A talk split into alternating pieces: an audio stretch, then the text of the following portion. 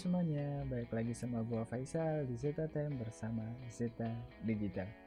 Marhaban ya Ramadan, minal aizin wal faizin, mohon maaf lahir batin untuk semua pendengar setia podcast Zeta Time. Pada kesempatan kali ini, kita sedikit berbeda daripada episode sebelumnya, karena pada kesempatan kali ini kita sedang berada dalam bulan penuh berkah yakni bulan Ramadan. Semoga teman-teman diberikan kemampuan dalam menjalankan ibadah puasa satu bulan penuh. Amin ya robbal alamin. Berhubung bulan puasa, episode podcast Zeta Tem juga perlu menyesuaikan di mana sebelumnya pada hari Kamis pukul 20 waktu Indonesia Barat menjadi Jumat pukul 16 waktu Indonesia Barat atau pukul 4 sore. Jadi sembari teman-teman menunggu waktu berbuka puasa, teman-teman bisa mendengarkan podcast kami yang insya Allah bermanfaat ini. Pada kesempatan kali ini, kita akan membahas salah satu hal yang harus kita lakukan sebagai pebisnis di bulan Ramadan, yakni adalah ide-ide marketing bulan Ramadan.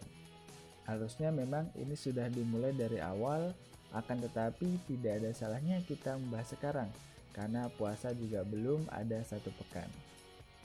Oke, kita langsung masuk ke pembahasannya ide-ide marketing di bulan Ramadan. Yang pertama adalah promo bulan Ramadan. Jadi di sini, jadi di sini teman-teman menggunakan strategi promo bulan Ramadan untuk meningkatkan jumlah penjualan produk kalian. Di sini saya memberikan dua rekomendasi strategi promo. Yang pertama adalah kalian membuat campaign buy to get one. Nah, di sini harapannya orang-orang itu akan tertrigger untuk membeli lebih banyak yang biasanya hanya satu menjadi dua. Akan tetapi, kalian harus tetap melihat celah untuk mendapatkan keuntungan atau profitnya. Jangan sampai justru kalian tidak melihat itu dan justru rugi. Karena bisnis itu harus mencari keuntungan, bukan mencari kerugian. Kemudian strategi promo yang kedua adalah pembelian minimal berapa puluh ribu dan dapatkan promo gratis ongkos kirim. Sama dengan tujuan yang buy to get one tadi, strategi kedua ini juga untuk meningkatkan kuantitas penjualan produk kalian dengan men-trigger konsumen dengan sebuah umpan. Bedanya hanya pada umpannya saja. Kalian bisa mengganti promo gratis ongkos kirim ini dengan opsi lain. Misalkan kalian memberikan voucher diskon berapa persen untuk pembelian berikutnya. Jadi bisa diganti dengan opsi-opsi lainnya yang bisa men-trigger calon konsumen kalian. Kemudian kita masuk ke strategi marketing yang kedua, yaitu adalah bundling Ramadan.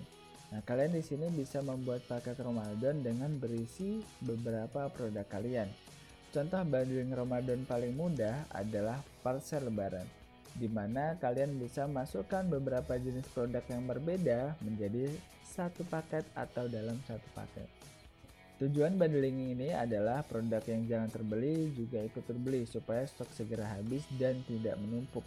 Istilahnya adalah kalian juga melakukan cross selling secara bersamaan. Kemudian strategi yang ketiga adalah konten bernuansa islami. Media sosial pada kondisi pandemi saat ini menjadi salah satu hal yang paling penting dalam berbisnis. Pada bulan Ramadan dengan nuansa serba islami, kalian bisa memulai membuat konten-konten bernuansa islami juga.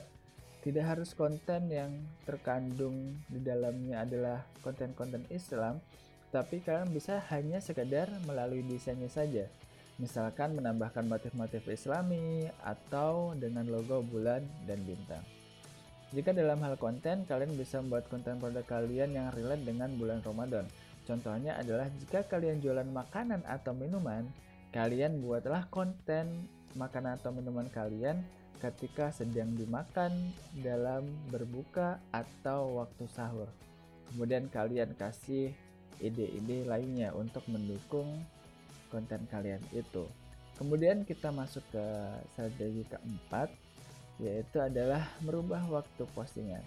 Nah, waktu mempublish postingan pada bulan Ramadan itu juga berbeda dari bulan biasanya. Nah, saya merekomendasikan dua waktu yang sangat cocok kalian gunakan dalam membuat postingan.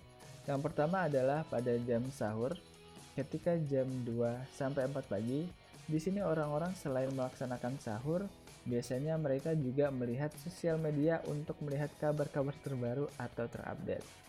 Karena saat ini sudah jarang orang-orang yang melihat TV. Mereka lebih suka melihat sosial media. Kemudian yang kedua, waktu untuk posting di bulan Ramadan adalah waktu jam ngabuburit sekitar jam 16.00 atau jam 4 sore sampai 17.00 atau pukul 5 sore. Nah, pada jam ini beberapa ada yang sibuk mempersiapkan diri sebelum berbuka, tapi juga ada orang yang tidak beraktivitas sembari menunggu berbuka puasa.